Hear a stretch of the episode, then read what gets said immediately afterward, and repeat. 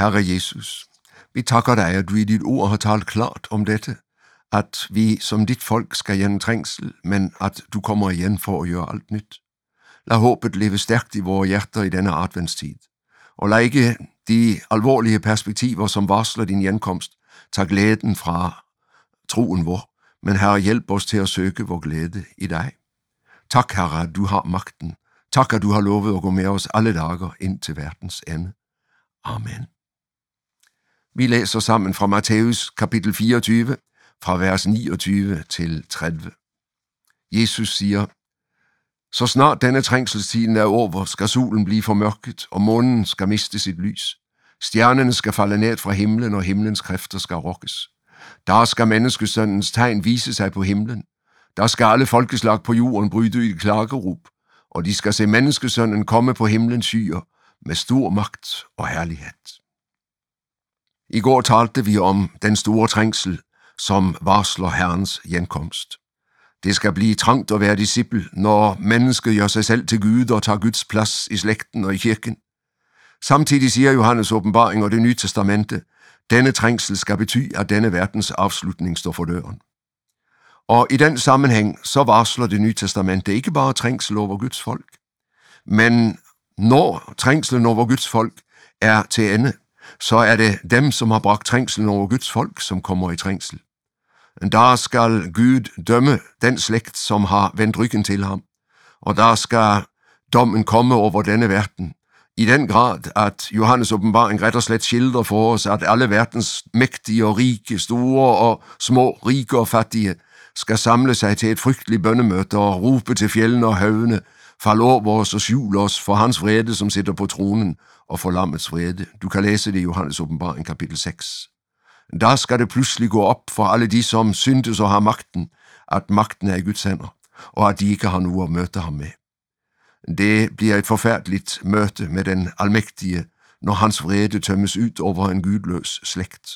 Og du og jeg kaldes til at bede for denne verden, at den i tide må søge Herren, mens han findes.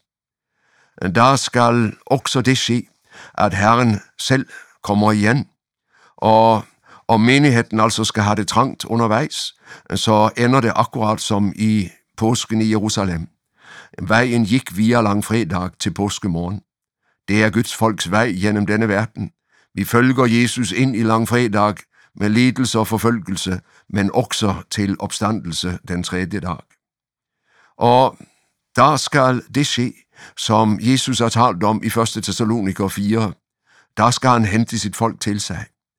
Der var blevet uro i menigheden. Man var redd for, at de, de som var døde før hans, herrens hjemkomst, ikke skulle blive med, når han kom. Derfor må Paulus sige det til dem. Øh, ikke være redde. De døde i Herren skal stå op, når han kommer, og de, som lever og er tilbage, de skal forvandles i et år, og så skal alle møde Herren i luften. Der er tale om en bodrykkelse af Guds folk, ikke før trængslen, men når trængslen har nået sit toppunkt, så kommer Herren og henter sin menighed. Vi følger Jesus på korsets vej til undergang, men også til opstandelse. Det er Guds folkes vej. Og der skal to mænd være på marken og arbejde sammen, og to kvinder skal være ved kværnen og arbejde sammen, og den ene skal tages med, og den anden skal lades igen, står der her i Matthæus 24, vers 40 og 41. Der kommer en dag, da der trækkes et endeligt skille gennem slægten, mellem de, som hører Jesus til, og de, som ikke kender ham. Bortrykkelsen bliver en mærkelig oplevelse, når Gud henter både alle sine døde og de, som endnu lever, til sig, og vi skal møde Herren i luften. Hvad skal ske da? Jo, der henter Herren folket sit ind i brudekammeret for at smykke det til den store bryllupsfesten mellem Herren og hans folk, lammet og lammets brud. De skal fejre, når Gud gør alt nyt. Der skal vi stå på glashavet, siger Johannes i åbenbaringen kapitel 15. Akkurat som Israel blev frelst ud af Egypt og ud gennem Rødehavet kom fri fra Farao og kunne stå og synge lovsang på den andre bredden af Rødehavet, mens Farao og hans hær gik under i havet, så skal det ske, at en dag skal Guds folk stå i lovsang til ham, som har fuldbyrdet sine planer og gjort alt nyt. Der er antikrist og hele hans hær borte for bestandig, og der er lovsangens tid kommet. Helt frem til da skal evangeliet lyde. Men i åbenbaringen 11, så kan du læse, hvordan når evangeliet har lyttet, og det synes som om Guds menighed er bekæmpet, så rejser Herren sit folk op og henter dem til himlen, for alle deres øjne, som spottet Gud og ikke ville have med ham at gøre. Gud har det sidste ordet. Og der er tiden inde for, at Gud gør alt nyt. I den sammenhæng så skal Gud tage et opgør med antikrist og alle de, som fulgte ham. Du kan læse det i åbenbaringen 19. Der er altid ute for dem, som stod Gud imod.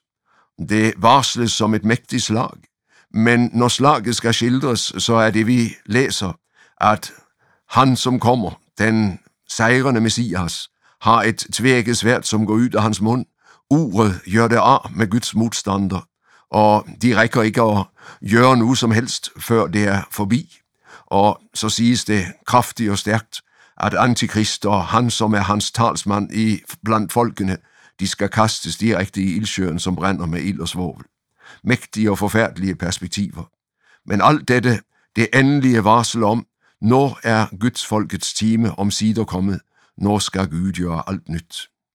I Johannes åbenbaring kapitel 18, når vi ser dommen over det folk, som følger antikristen, som følger dyret, slik han skildres i Johannes åbenbaring, så lyder det, Dra ud fra hende, fra Babylon, mit folk.